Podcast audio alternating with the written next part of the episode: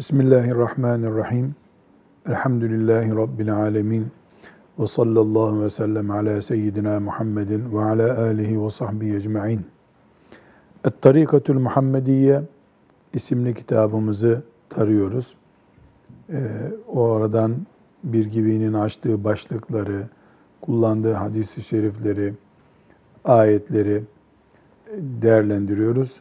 Böylece takva bir Müslüman olmak için önümüze koymuş olduğu şablonda kendimize istifade edilecek noktalar tespit edip inşallah da Rabbimizin razı olacağı ameller yapmak için bir şeyler öğreniyoruz. Şimdi bir gibi takva hayat için ahlakı temizlemek, kalp hastalıklardan korunmak gerekir dedi. Bunu bize epey bir ders boyunca devam ettiğimiz bir silsilede açıkladı. Şimdi de Müslümanın dilini düzeltmesi gerekir. Dili üzerinden yaptığı yanlışları ıslah etmesi gerekir diye bir bölüm başlattı. Biz buna dil afetleri de diyebiliriz. Dili koruma kültürü de diyebiliriz. Adını ne koyduğumuz çok önemli değil.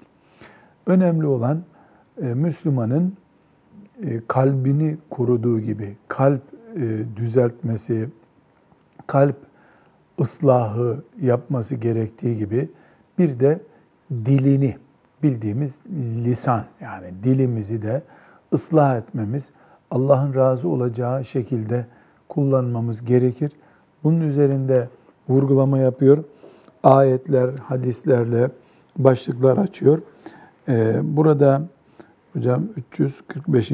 sayfadayız değil mi? Buradan sırayla okuyarak devam ediyoruz. Onlarca madde sayacak. Özet olarak bize cennete girmek isteyen diline sahip olacak. Bunu söyleyecek. Diline sahip olmayan, tıpkı kalbine sahip olmayanın kibirdi, hasetti, hayasızlıktı, benzeri şeyler kalbini istila edeceği için Müslümanlığında sorunlar yaşayacak dediği gibi şimdi de dilini muhafaza edecek Müslüman. Dilini muhafaza edemezsen, ölçüsüz konuşursan, konuştuğunun hesabını yapamazsan yarın Allahu Teala'nın huzurunda utanacağın bir hale düşersin diyecek. Hocam sırayla okuyalım. Vücubu hifzil lisani ve azamu cürmihi icmalen genel olarak dili korumanın önemi ve dil lisan yani suç işlediği zaman bu suçun ağırlığı üzerine söylenecek sözler. Hocam okuyalım. Ma yelfizu min kavlin illa ledeyhi rakibun atid. Allahu Teala. Yani bu Kaf suresinin 18. ayeti. Ee, kim bir kelime konuşuyorsa muhakkak ona bir denetçisi var Allah'ın. Şu dilden çıkan tek bir kelime yoktur ki, bir ses yoktur ki melekler onu kaydetmiş olmasınlar. Her şeyi melekler kaydediyor. Müslüman bunu bilip konuşacak. Haklıydın, haksızdın, güzel konuştun, çirkin konuştun. Hayır. Onları Allah duydu, yazdı. Melekler o yazdıkları amel defterini senin önüne getirecekler. Senin 200 sene önce unuttuğun şeyi, 1000 sene önce unuttuğun şeyi karşına çıkaracaklar. Burada bir hadis-i şerif de getirmiş. Dilin önemiyle ilgili. Kale Resulullah sallallahu aleyhi ve sellem La yestakimu imanu abdin hatta yestakime kalbuhu. Kişinin imanı çizgide olmaz. Kalbi çizgide olmadıkça ve la yestakimu kalbuhu hatta yestakime lisanuhu. Kişinin dili düzelmedikçe de kalbi de düzelmez. Demek ki dil kalbi düzeltiyor, kalp imanı çizgiye getiriyor. Buradan da ne çıkıyor? Konuştuğumuz bir kelime, söylediğimiz bir söz o kadar ucuz değil bu dünyada. Bu bundan çıkıyor. Başka bir hadis-i şerif daha var onu okuyalım. Kâle Resulullah sallallahu, aleyhi ve sellem men men yadmen li ma beyne ricleyhi ve ma beyne lihyeyhi edmenu lehul cennete. İki organı bana garanti edene cenneti garanti ederim. Bu meşhur Bukhari hadisi şerifi. Gençler, ihtiyarlar hepimiz bunu bilmek zorundayız. İki organı garanti edene yani kötülüğe bulaştırmayacağına garanti edene de cenneti garanti ederim. İki organ, iki bacağın arası erkek ve kadın için iki bacak arası ve iki dudak arası. Ne var iki dudak arasında? Dil var. Dilini kontrol eden, dilini mesela çıkıp diyebiliyorsa bir insan, Ya Resulallah, iki bacağımın arasıyla bir haram işlemedim. İki dudağımın arasını da hiç kötülükte kullanmadım. Ben de geldim şimdi. Cevabı nedir Resulullah sallallahu aleyhi ve sellem'in? اَضْمَنُ lekel cenne. Ben de sana cenneti garanti ediyorum. E burada aldattım ben. Aslında iki dudağımın arasında sorunlar vardı dilimde yani. Kimi aldatacaksın ki? Melekler zaten yazmışlar. Bunun doğruluğunu melekler sana çek edecekler. Hiç kimse merak etmemeli. Evet. Bir başka hadis-i şerif daha okuyalım. Ennen nebiyye sallallahu aleyhi ve sellem kal Men kâne yu'minu billahi vel yevmil âhiri fel yekul hayran ev liyasmut. Bu o kadar muhteşem bir hadis-i şerif ki kim Allah'a ve ahiret gününe iman ediyorsa ya hayırlı bir söz söylesin ya da sussun. Ahiret diye bir derdin varsa susacaksın. Ya da söylediğin vebal olmayacak. Ahiret diye bir derdin var ama sen çok ahirette dert olacak şeyler konuşuyorsun. E demek ki ahirete imanın senin henüz istikrar bulmuş değil. Bir başka hadis-i şerif daha okuyalım hocam. Kâle Resulullah sallallahu, aleyhi ve Sallallahu aleyhi ve sellem sellem. İnner racule leyetekellemu bil kelimeti la yara leha be'sen yehvi biha seb'ine harifen finnari. Yani öyle bir örnek veriyor ki Efendimiz sallallahu aleyhi ve sellem. e, Biz bunu şimdi tefekkür ettiğimizde e, gerçekten dilimiz konusunda e, çok riskli bir hayat yaşıyormuşuz. Bunu anlıyoruz. Buyuruyor ki insan bir kelime konuşur. Bir kelime yahu. Güzel, çirkin, Ahmet, Ali, sağ, sol, ön, arka, yukarısı, aşağısı diye bir kelime.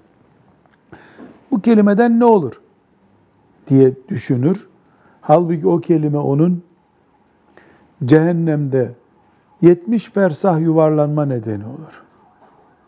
Vadi vadi yuvarlanır cehennemde. O bir kelime zannettiğin şey.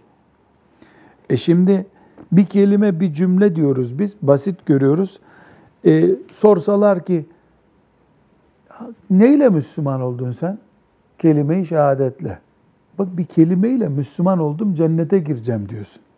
Bir kelime basit olsa o kelimeyle cennete girilmez. E demek ki cehenneme de bir kelimeyle giriliyor. Maazallah. Cehenneme de bir kelimeyle giriliyor.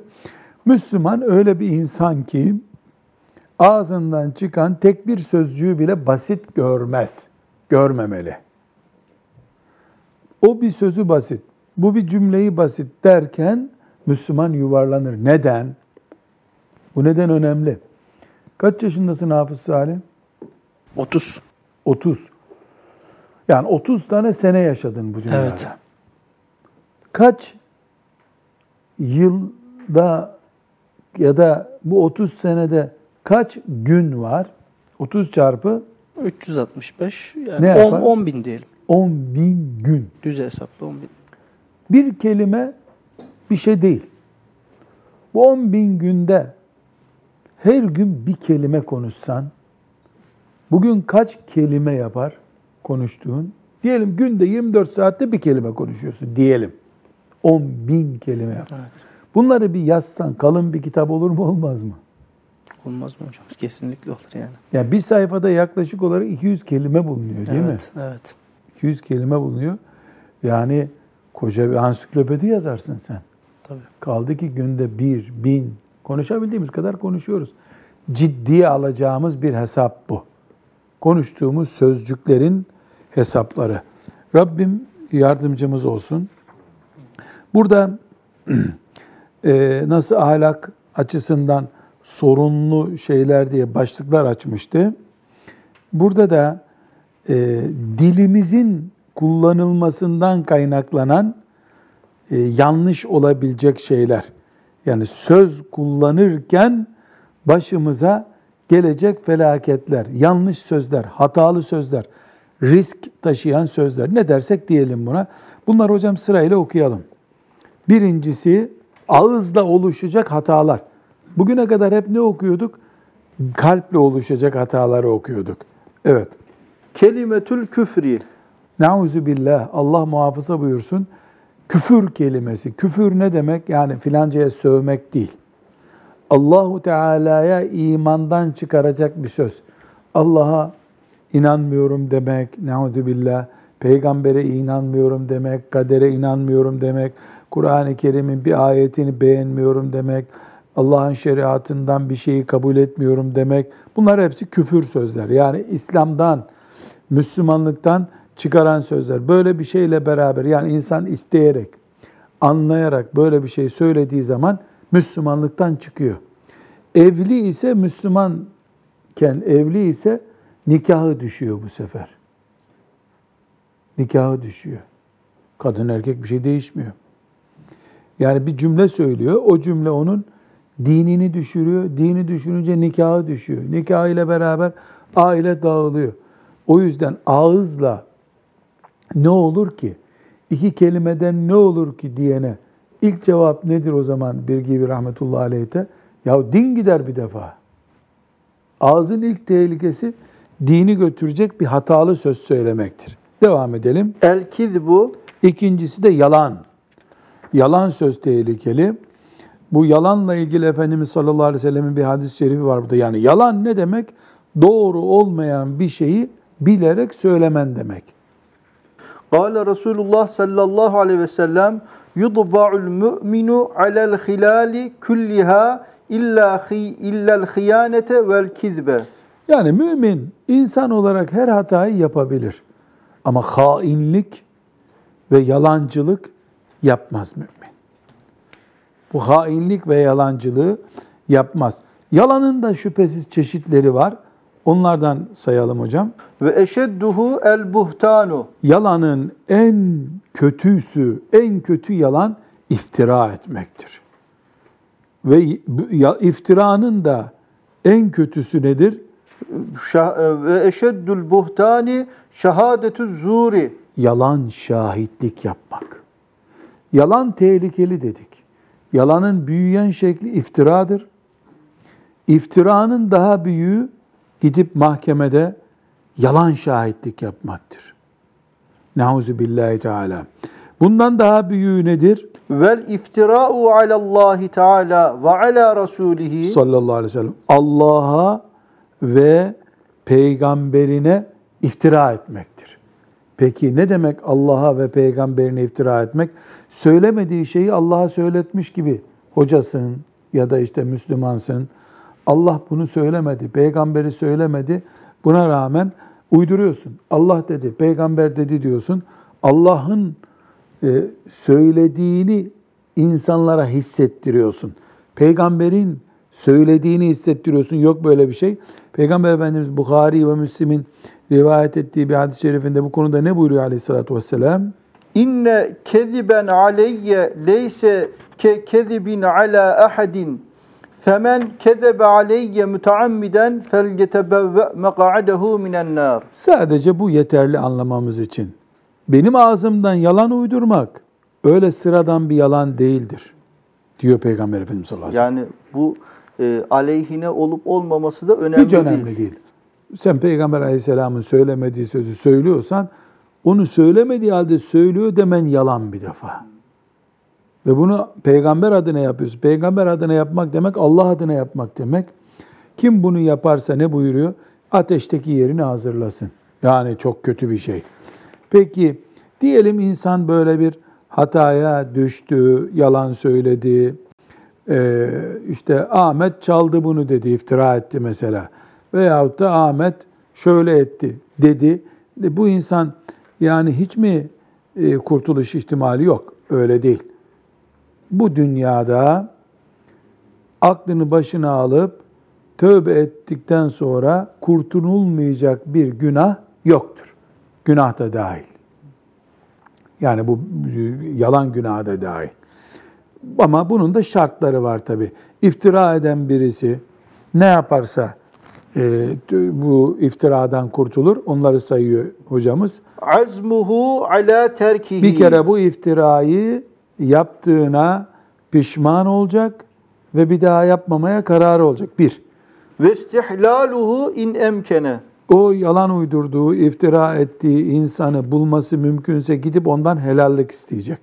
Ve tekzibu nefsihi inde sami'ine. Bu önemli. Kime uydurdu bu yalanı? Mesela geldi burada işte üç kişinin önünde böyle bir iftira etti.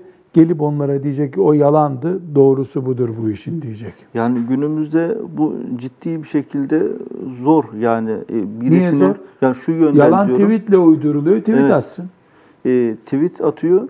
E, daha sonradan o onun tweetini, yalan e, tweetini gören kimseler belki daha sonradan görmediği vakitte bu sefer o çok büyük bir şeyin E, altına yalan- giriyor. Şimdi eskiden 100 sene önce bin kişi duyabiliyordu bir yalanı. Şimdi bir saniyede bir milyon kişi duyuyor. 2 milyon kişi duyuyor. Allah muhafaza buyursun. Yani o yüzden insanın daha çok dikkat etmesi gerekiyor tuşa Elbette, basacağı evet. zamanda. Asırlar büyüdükçe, kıyamete yaklaştıkça sevaplar da büyüyor, günahlar da büyüyor. Evet, demek ki yalandan, bühtandan, iftiradan tövbe eden önce bir Rabbine tövbe edecek, pişman olacak. Sonra gidip sahibiyle helallaşacak. Sonra o yalan kime ulaştıysa onlara gidecek bu yalandı, doğrusu böyledir diyecek. Başka ağızda çıkan yalan sözlere örnekler. El va'du izâ kâne bi niyyetil hulfi. Söz veriyor ama sözünü tutmaya niyeti yok. Yarın gelirim diyor, gitmeye niyeti yok. Başından savmak istiyor. Bu da bir yalan çeşidi. Hadislerdeki tehditler bunun içinde geçerli. Tahdîsü kulli mâ semi'a. Evet, şimdi çok önemli bir yalan çeşidine geldik. Şimdi insanların savunmalarından biri, Aa, benim hiç haberim yok bu işten. Bana Talha Hoca dedi. Hasan Hoca'dan duydum ben. E Hasan Hoca noter mi? Hasan Hoca'dan duydun. Ya benim kabahatim yok. Ben duyduğumu söylüyorum. Peygamber Efendimiz sallallahu aleyhi ve sellem ne buyuruyor? Bir insanın her duyduğunu doğru gibi nakletmesi yalancı olarak yeter ona. Yalancılık için yeter. Böyle bir kural yok. Ben duymuştum. Ya kulağına girdi diye ağzından da çıkması gerekmiyor ya. Kulağından girmeyecekti. Girdi diyelim. Göm bir yere gitsin. İnsan hesabını verebileceği şeyi konuşur. Müslüman konuştuğunun hesabının ondan sorulacağına iman eden insandır. Duydun, gördün, konuştun, tuttun, yürüdün. Hepsinin hesabı var. Müslümanlığın farkı nerede? Bu Allah'ın izniyle Müslümanlık farkıdır. Elhamdülillah ki öyle iman ediyoruz. Rabbimize hamdolsun. Evet. Burada neyi e, sayıyor? Dille düşülecek hataları sayıyor. Onlar da küfürdür, mesela yalandır dedi. Yalanın çeşitlerinden bize örnekler verdi. Devam edelim hocam. Başka ne sayıyor? Ağızla işlenebilecek hatalar. El gıybetü Evet, ağızla işlenebilecek hatalardan bir tanesi de gıybettir. Gıybeti Salih Hafız tarif edelim. Gıybet, bugün kim yok bu halkada? İnayetullah yok. Aslında vardı burada, şu anda yok.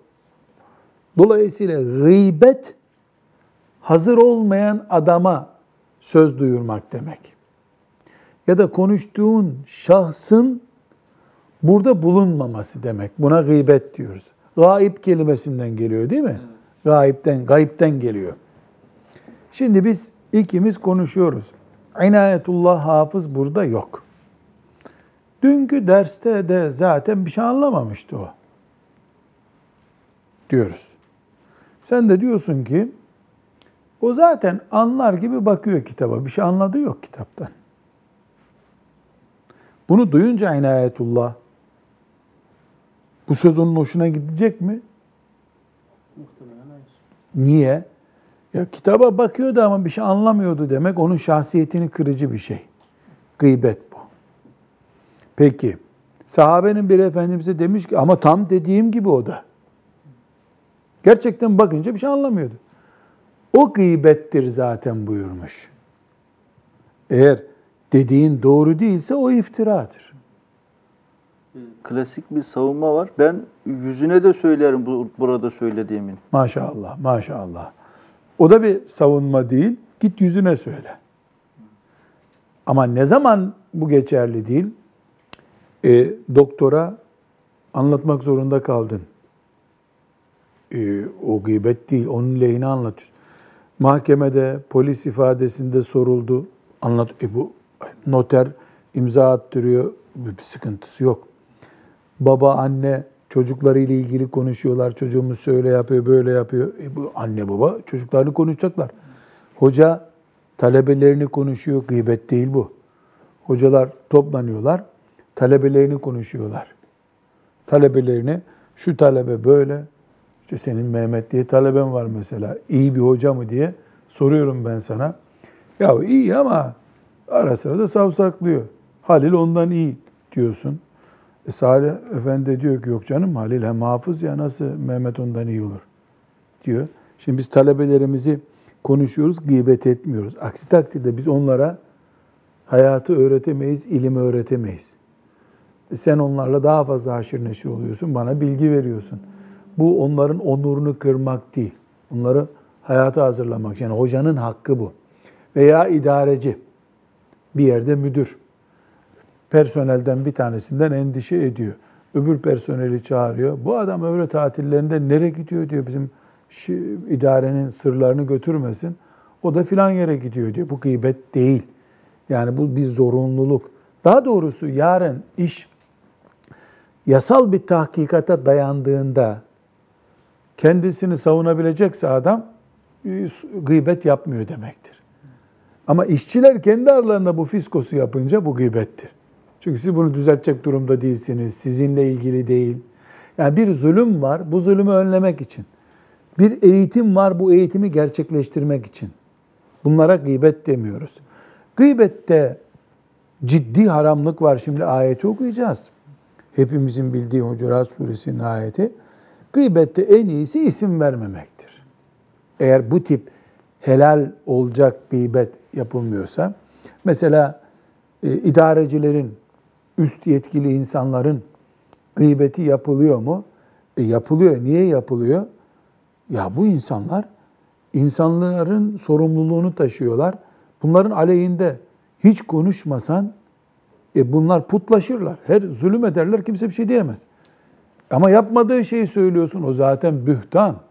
Onun onun cezası başka. Gerçekten bu mesela bir yönetici e, ona deniyor ki ya vatandaşlar e, şöyle böyle üzülüyorlar senin şu işi ya. ya bırak onlar bedevini anlar onlardan diyor. Aa insanlara bedevi gözüyle bakıyor. Ben de bunu duydum gelip anlatırım. Bu gıybet değil.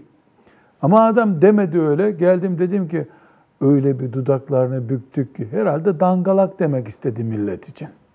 İftira ettim. Bu haram.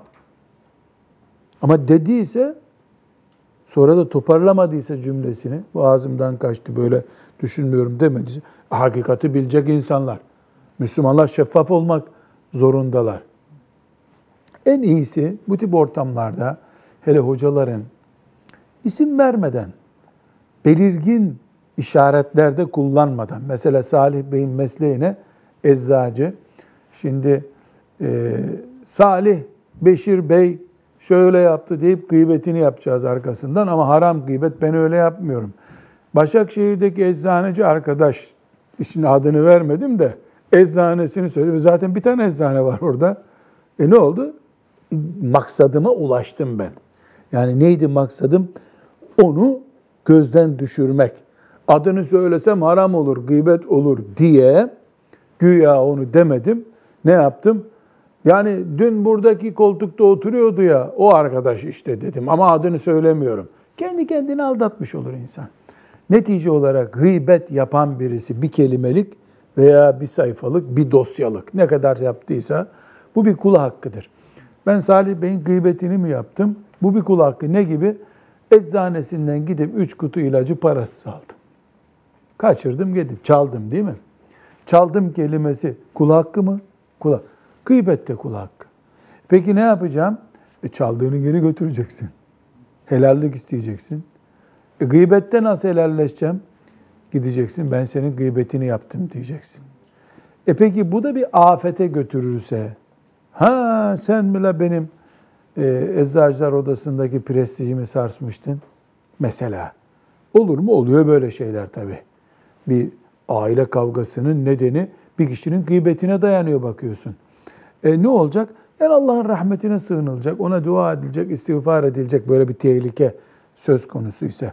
Gıybet şaka bir şey değil ama e, ben size bir şey söyleyeyim. Yani baklavadan tatlı herhalde gıybet. Bak bunun kadın erkeği de yok. Yani bir düğün baklavasından daha tatlı gıybet demek. Yani ben bunu belgeleyebilirim.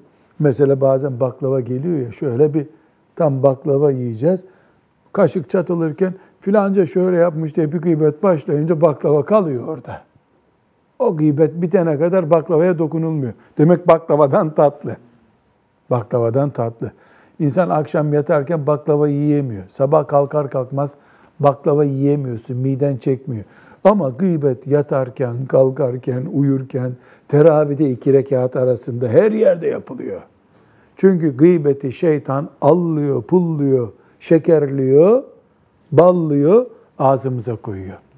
Mümin insan, ya nasıl kurtulacağız? Bir, gıybet etmeme kararında olacağız. Biraz sonra dinleyeceğimiz ayeti iman sebebi bileceğiz biz. Rabbim böyle bu. İki, gıybet eden dostlarım, etmeyen dostlarım diye ayıracaksın.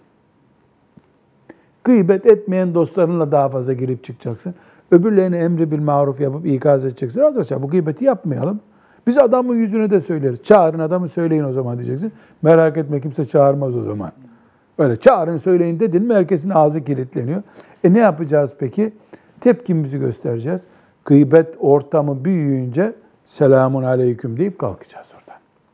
Başka çaresi yok. Şimdi ayeti okuyunca büyüklüğünü anlamış olacağız. Oku hocam ayeti. Allahu Teala ve la yagtab ba'dukum ba'da. Eyuhibbu ahadukum en ye'kule lahme ahihi meyten fekerihtumûh. Ve la yagteb ba'dukum ba'da. Birbirinizin gıybetini yapmayın. Sizden biriniz kardeşinin ölmüş etini yemekten hoşlanır mı? Fekerihtumu. Bak nasıl bunu iğrendiniz. Uttakullah. O zaman Allah'tan korkun. İnnallâhe tevvâbur rahim. Böyle bir hata yaptıysanız tövbe edin. Allah tövbenizi kabul etsin. El-Hucurat suresinin 12. ayeti bu. Hiç şakası yok.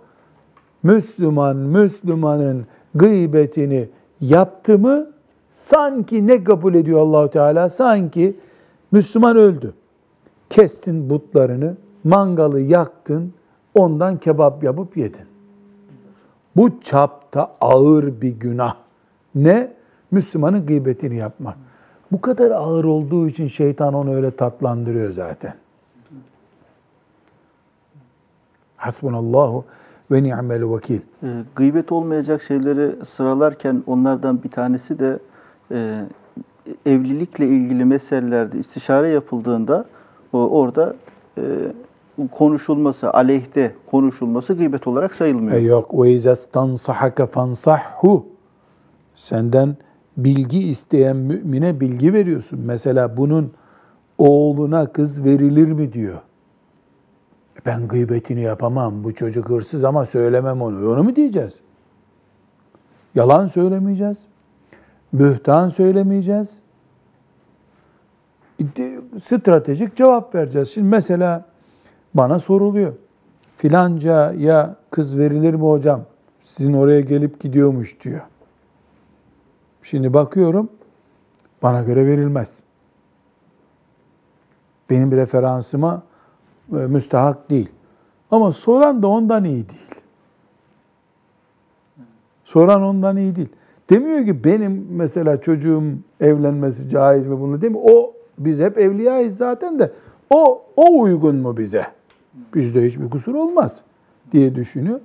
Diyorum ki ben size verecek kadar bilgi sahibi değilim bu hususta. O bundan ne anlarsa anlasın. Çünkü onu referansımı da hak edecek düzeyde görmüyorum. Çünkü ben bir hoca kimliğim var. Böyle bir damat kaçırılmaz dediğim zaman e, bunu emir kabul edecek o. E, bunun da sonucuna katlanamayacak. Evlilik arası ilişkilerde barışmak için yani anlatılır. Karı koca birbirlerini şikayet ederken anlatırlar bir şartla. Müstehcenlikte son nokta olan şeyleri anlatması e, caiz değil. Zulüm noktasına gelmediği sürece yani mesela kadının ayıplarını teşhir ederek karı koca kavgasında haklı çıkmak Müslüman edebine uygun bir hareket değil. O hariç tabi. Zulümse ayrı bir. Evet. Burada bir gibi rahmetullahi aleyh bir ölçü getiriliyor. Müslüman bir insanın yanında bir Müslüman gıybet ediliyor. Efendimiz sallallahu aleyhi ve sellem bununla ilgili uyarıda bulunmuş. Yani buradayız biz. Ferhat gıybet yapmaya cesaret etti. Gıybet ediyor. Gıybetini yaptığı Müslümanı biz tanıyoruz. E Allah ondan soracak, ona hak verecek diyemeyiz. Ne diyor Efendimiz sallallahu aleyhi ve sellem burada? Men nasara ahahul müslime bil gaybi yansurhullahu fid dünya vel ahireti. Evet, kim bir Müslümanı arkasından savunursa Allah da ona dünya ve ahirette yardım eder. Orada olmayan bir Müslümanın gıybeti yapılırken mümin kardeşimiz hakkında konuşamazsın. Demek müminlik görevi. Evet. Peki dilimizle oluşabilecek e, dil hatalarına devam edelim hocam. En nemimetu. Evet, nemime. Nemime Arapça bir kelimedir. Türkçedeki dedikodu kelimesinin karşılığıdır. Dedikodu e, kelimesi yani bildiğimiz aslında doğru şeyler veya eğri şeyler diye bakılmadan selamun aleyküm aleyküm selam işte gerçi dedikoduya selamla başlanmaz da o Talha Hoca Hasan Hoca için dedi ki Hasan Hoca'nın sakalları beyazdır. Hasan Hoca'ya da e, bunu naklediyor. Hasan Hoca'dan diyor ki senin sözünü ona söyleyince hmm yaptı. Yani fena kızdı sana. İkisinin arasında diyafon vazifesi yapıyor, ses taşıyor. Ondan ona, ondan doğru eğriliği yöne. Buna nemime deniyor. Efendimiz sallallahu aleyhi ve sellem ne buyuruyor? La yedhulul cennete kattatun ev nemmamun. Dedikodu yapan cennete girmez. Nauzu billahi teala. Ama ben doğruyu söyledim. E orada dersin doğruyu söylediğini. Cehennem daha yakın bir doğru olur. Nauzu billahi teala. Devam edelim. Dille ilgili sıkıntıları konuşuyoruz. Ee, Es-suhriyetu. Alaycılık, alaycılık. Hucurat suresinin 11. ayetinde Rabbimiz ne buyuruyor? La yeskar kavmun min kavmin asa en yekunu hayran minhum. Ve la nisa'un min nisa'in asa en yekunna hayran minhum. Yani sizden bir grup öbür grupla alay etmesinler. Kadınlar da birbirleriyle alay etmesinler. Belki siz alay ettikleriniz sizden daha hayırlıdırlar. Onun için alay yazıyla, sözle veya ikisinin yerini dolduran bir kaş göz işaretiyle, burun kıvırarak nasıl yapılıyorsa müminle alay etmek caiz değil. Şeriatımızın yasak ettiği şeylerdendir. Devam. El-la'nu Evet, bu önemli bir mesele. Lanet dille düşürülebilecek bir afettir. Lanet ne demek? Allah'ın ona bela vermesini istemek demek. Mesela ne diyoruz? Allah şeytana lanet etsin diyoruz. Allah kafirlere lanet etsin diyoruz. Var mı? Bu var. Burada çok önemli bir vazife var. Lanet etmek ibadet çeşitlerinden bir ibadet değildir. Zikretmek ibadettir. Tesbih yapmak ibadettir. Lanet ibadet değildir. Allah Ebu Cehil'e lanet etsin diye 10 bin defa söylese bir insan bundan bir Subhanallah demek kadar bir sevap kazanabilir mi? Hiç hadis duydunuz mu bugüne kadar? Ne kadar lanet edersen o kadar sevap kazanacaksın. Hayır. Ne kadar zikir yaparsan, tesbih yaparsan, tehlil yaparsan o kadar sevap kazanırsın. Lanet etmek bir sevap çeşidi değil ama insan burasına kadar geldiğinde kafirse küfreder. Bozuk konuşur. Mümin küfredemez. Ne edecek? Beddua edecek, lanet edecek. Bu zaman ikinci kural devreye giriyor. Nedir ikinci kural? Yaşayan bir kafire veya işte kötü bir Müslümana ismini vererek lanet etmek caiz değildir. Kafir demek caiz değil. Müslümana veya işte kafir olarak gebersin melun, cehennemde kalsın diyoruz. Cehennemde kalması için beddua etmemiz caiz değil. Niye caiz değil? Çünkü son nefesine kadar Allahu Teala'nın rahmetinden herkesin umut hakkı vardır. Son gününde iman edebilir. Son 10 dakikasında iman edebilir. Bedduamız Allah'ın rahmetine ters kutuptan çarpıyor.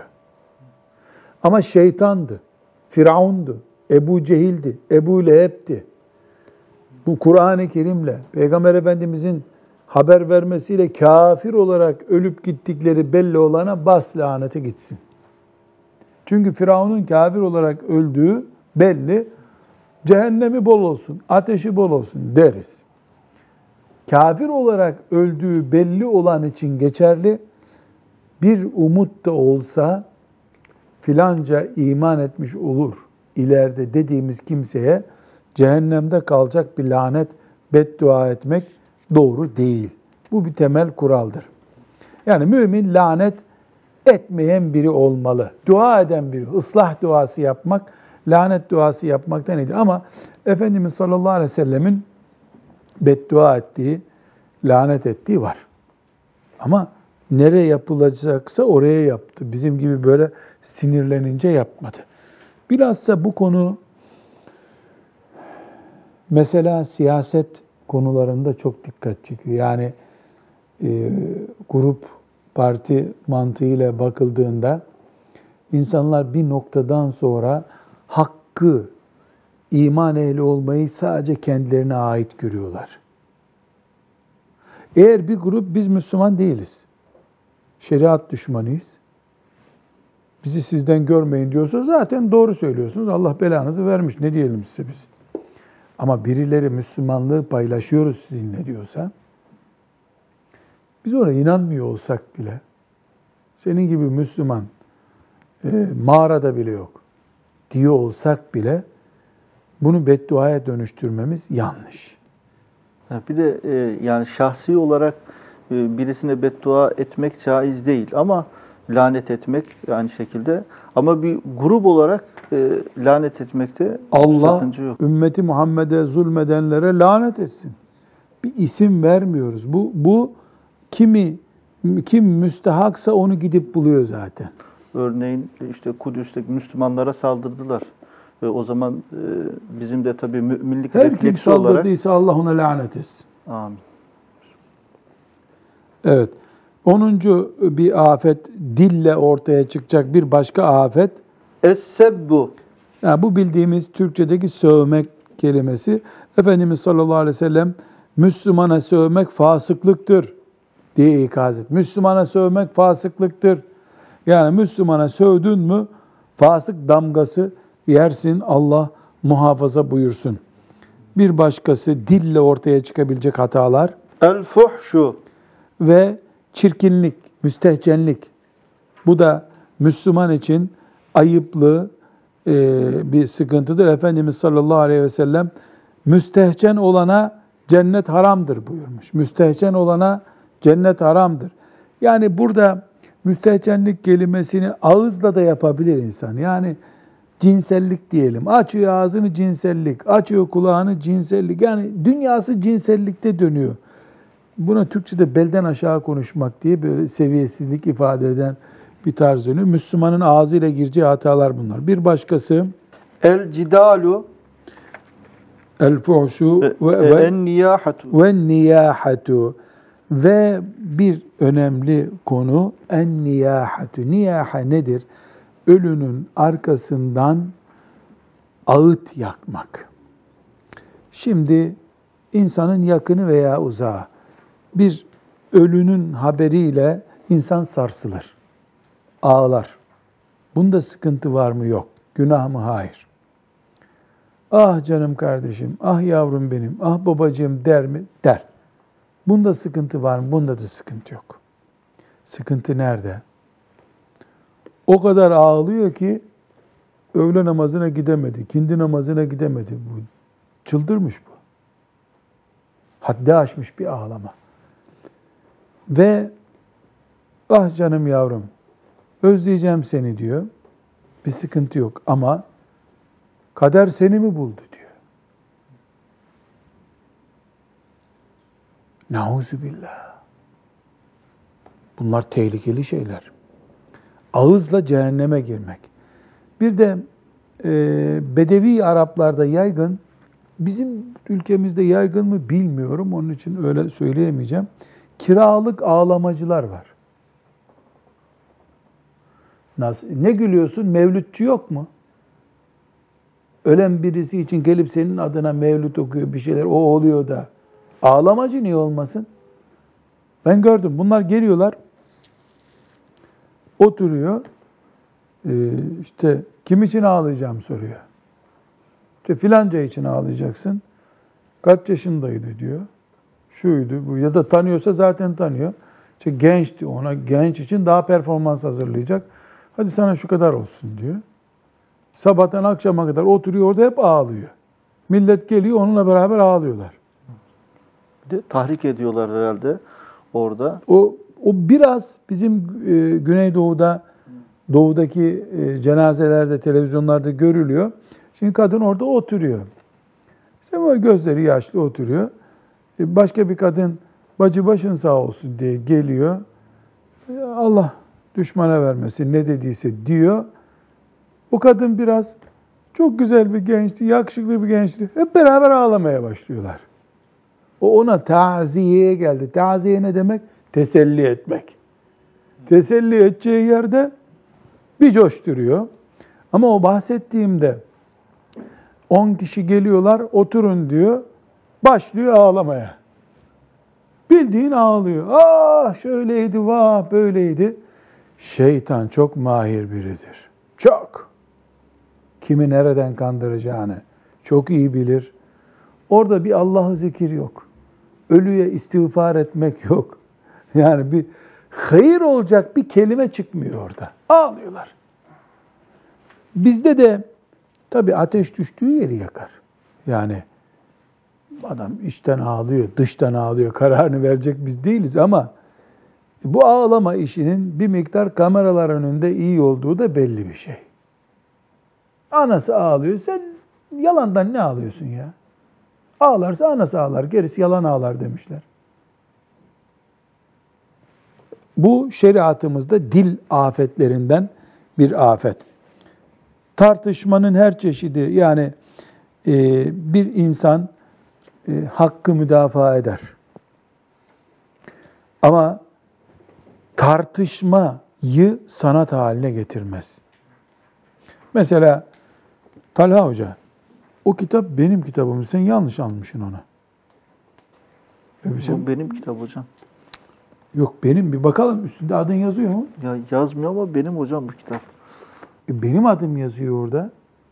Bir bak bakalım benim adım yazıyor olmasın. Yok hocam benim kitabım bu. Benim çizdiklerimden belli olur. İlk mesela sayfada benim çizdiğim olması lazım. Bak bakayım. Bunda yok hocam. Ha o zaman o benim değil. Bu kadar hakkımı ararım. Ben kitabımı tanımayacak mıyım? Ya sen hep böyle yapıyorsun, dikkat ediyorsun, masa, masamdan alıyorsun kitabı. Ver şunu. Çizmediysem de o burayı çizmiştim. Ya zannedersin Mescid-i Aksa'nın arazisini savunuyorsun.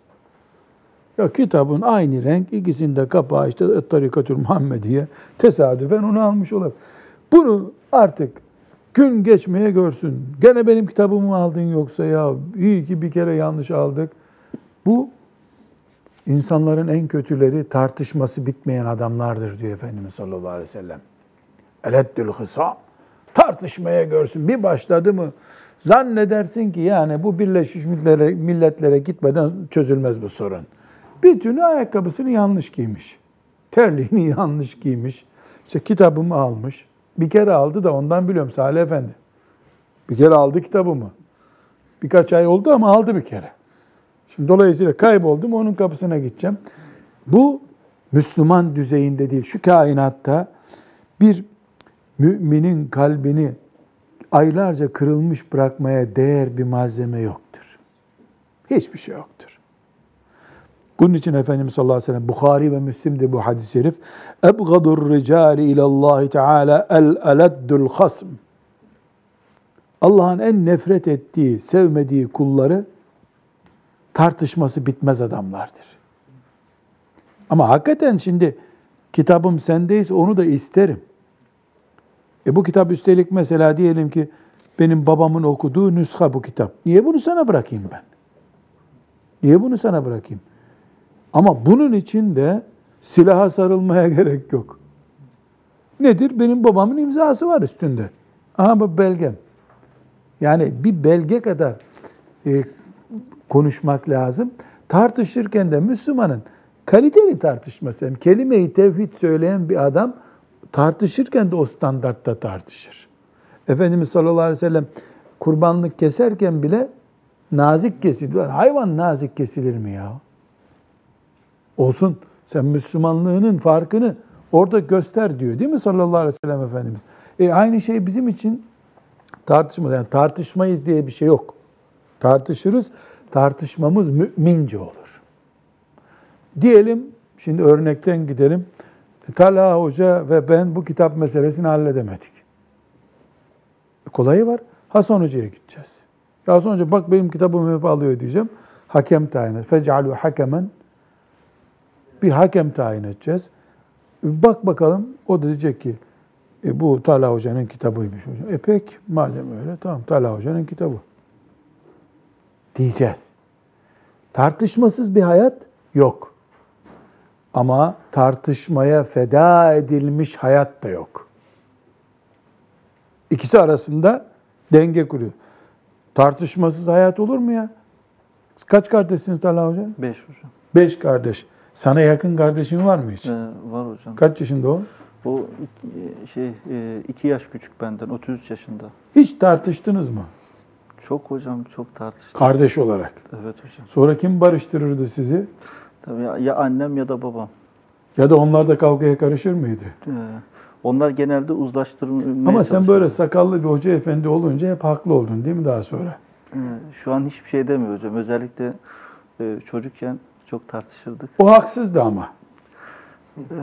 Haksızdı. Yani bana haksız. göre haksızdı. Tabii sana bak itirafı görüyorsun. Bana göre haksızdı diyor. Niye ama bunu diyorum? Ya tartışmazsın ki kendini haklı haksız görsen. Niye tartışacaksın ki zaten? Baban gelip sana bir şamar vuracak biliyorsun. Ne boşuna tartışacaksın? Yani insan en yanlış şeyde bile haklı olduğunu düşündüğü için tartış. Şeytan inandırır insana. Bu yüzden tartışmanın bir usulü olur. Ağızda bağırıp çağırıp gürültü yapmaz mümin. Ya götür Hasan Hoca çözsün bu işi ne yapalım Hasan Hoca madem buranın en büyüğü götürürüz Hasan Hoca efendi çöz bu işi deriz. Ya o da dedi ki bu işte yani benim çözeceğim bir durum yok. E mahkemeye gideriz. Nasıl gidiyor? E, bu tarihi bir eserse mesela diyelim benim nusam bir gibinin yazma nusasıydı. Ben onu Talha Hoca'ya bırakar mıyım? Ne diyorsun sen Talha Hafız? Alimallah. Yani bir defa derim senin sakalın siyah sen bir gibi nereden gördün? Mahkemeye taşıyalım hocam. Taşıyalım mı ne diyorsun? Ve cadilhum billeti hi ahsen. ya çok güzel. Ama oradaki ehli kitapla ilgili ifade mümin karakter. Yani Hristiyanla tartışırken bile en narin şekilde, en narin nedir? Eh artık o şekilde yani böyle en narin şekilde tartış. Ama tartışmasız hayat yok. Doğası böyle bu işin. Tartışmaya feda edilebilecek bir hayatımız da yok bizim. Böyle. İnşallah muvaffak oluruz. Peki. Ve dille ilgili çok mühim bir başlık el-gına. Nedir gına? Şarkı türkü. Şarkı, türkü. İki türlü olabilir bu. Birincisi şiir olarak insan kendi kendine söyler, tutturur. Ey bu dağlardan uçan kuşlar diye. İşte bu, bu da bir gınacı. Bir de e, saz gibi, işte ut gibi bilmem ne gibi aletlerin yardımıyla yapılan asas müzik ona diyoruz biz.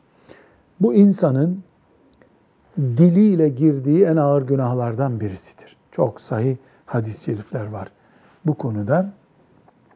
Bir gibi bunu dil afetlerinden birisi olarak görüyor. Rahmet görüyor derken yani hadisleri, ayetleri okuyor.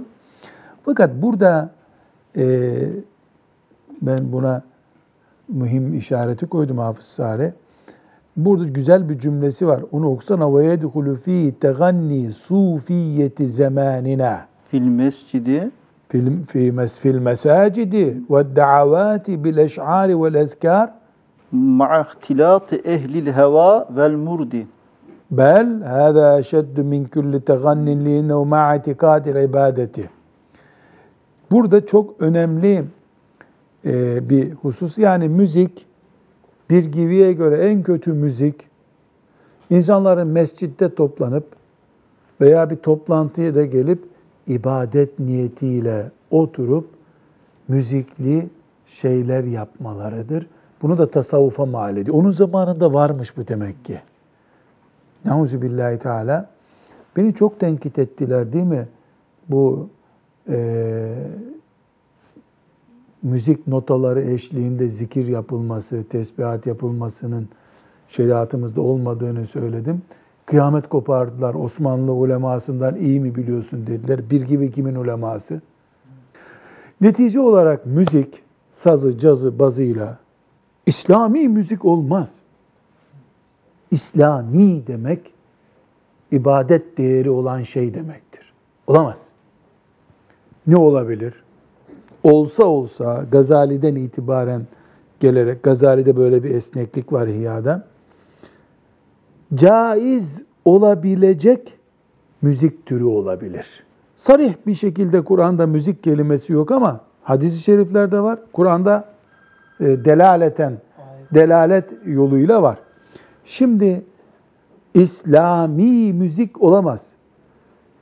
Fıkhen cevaz verilebilecek bir müzik olabilir. Mehter Marşı mesela meşayihin sağlığında vardı. E, Mehter Marşı olabilir.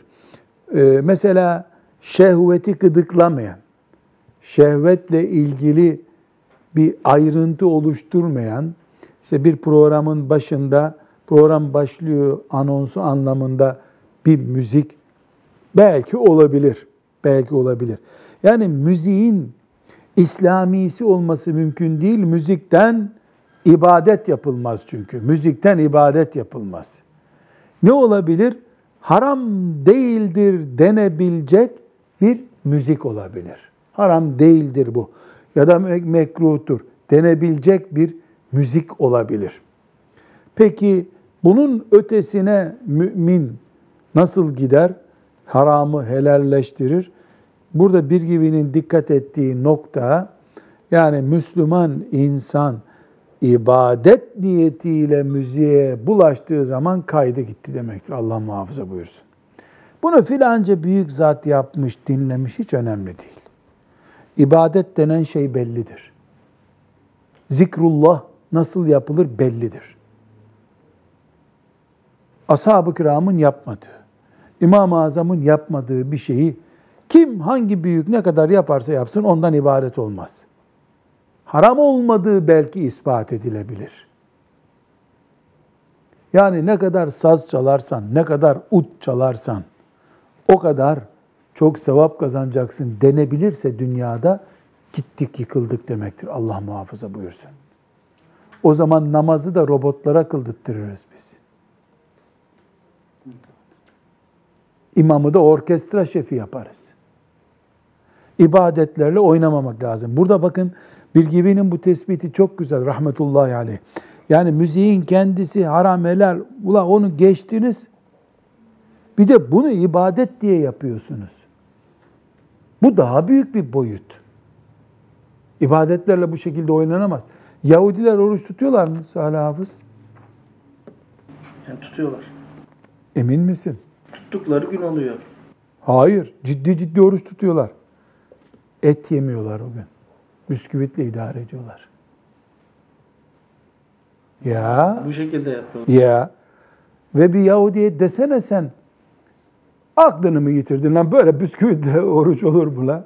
Bak sana nasıl ibadetine hakaret ediyor. Niye? Ya biz bunu böyle uygun bulduk. Hahamlar böyle dediler. Oldu bitti. Oldu bitti Yahudilikte olur. Hristiyanlıkta olur. İslam'da oldu, oldu bitti yok. Vahiy indi bitti var bizde elhamdülillah. Onun için müziğe belki işte Gazali mesela şehvetli müzik vesaire de ayırıyor. Belki öyle bir tasnif yapılabilir. Hadislerin bir kısmı çok sahih hadisler değil denebilir. Bak bunlar olur. Hadislerden sarahaten hüküm böyle çıkmıyor. e, dolaylı hüküm çıkıyor. Olabilir. Bunlar hepsi kabul edilebilir.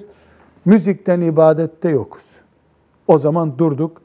Bunu şeriatımıza müdahale kabul ederiz. Şu müzik bu müzik. Ya senin Türk örfünden gelmiş bu müziğine sen helal diyorsun. Afrika'daki de filan davuldan yöreseldir diyor. O da onu helal görüyor. Avrupalı da cazı helal görüyor. O zaman onu Avrupalı Müslümanlar da caz çalsın. Sen sen diyelim ki davula izin veriyorsun. O da e, caz çalsın o zaman. Orkestradan ibadet. Şu ibadetlerimizi rahat bırakalım. Ashab-ı kiramda gördüğümüz gibi İmam-ı Azam rahmetullahi aleyh'te gördüğümüz gibi ibadet yapalım. Ki hiç olmasın ibadetlerimiz sağlam kalsın. Peki devam edeceğiz bu dil afetlerine. Allah hepimizi muhafaza buyursun. Velhamdülillahi Rabbil Alemin.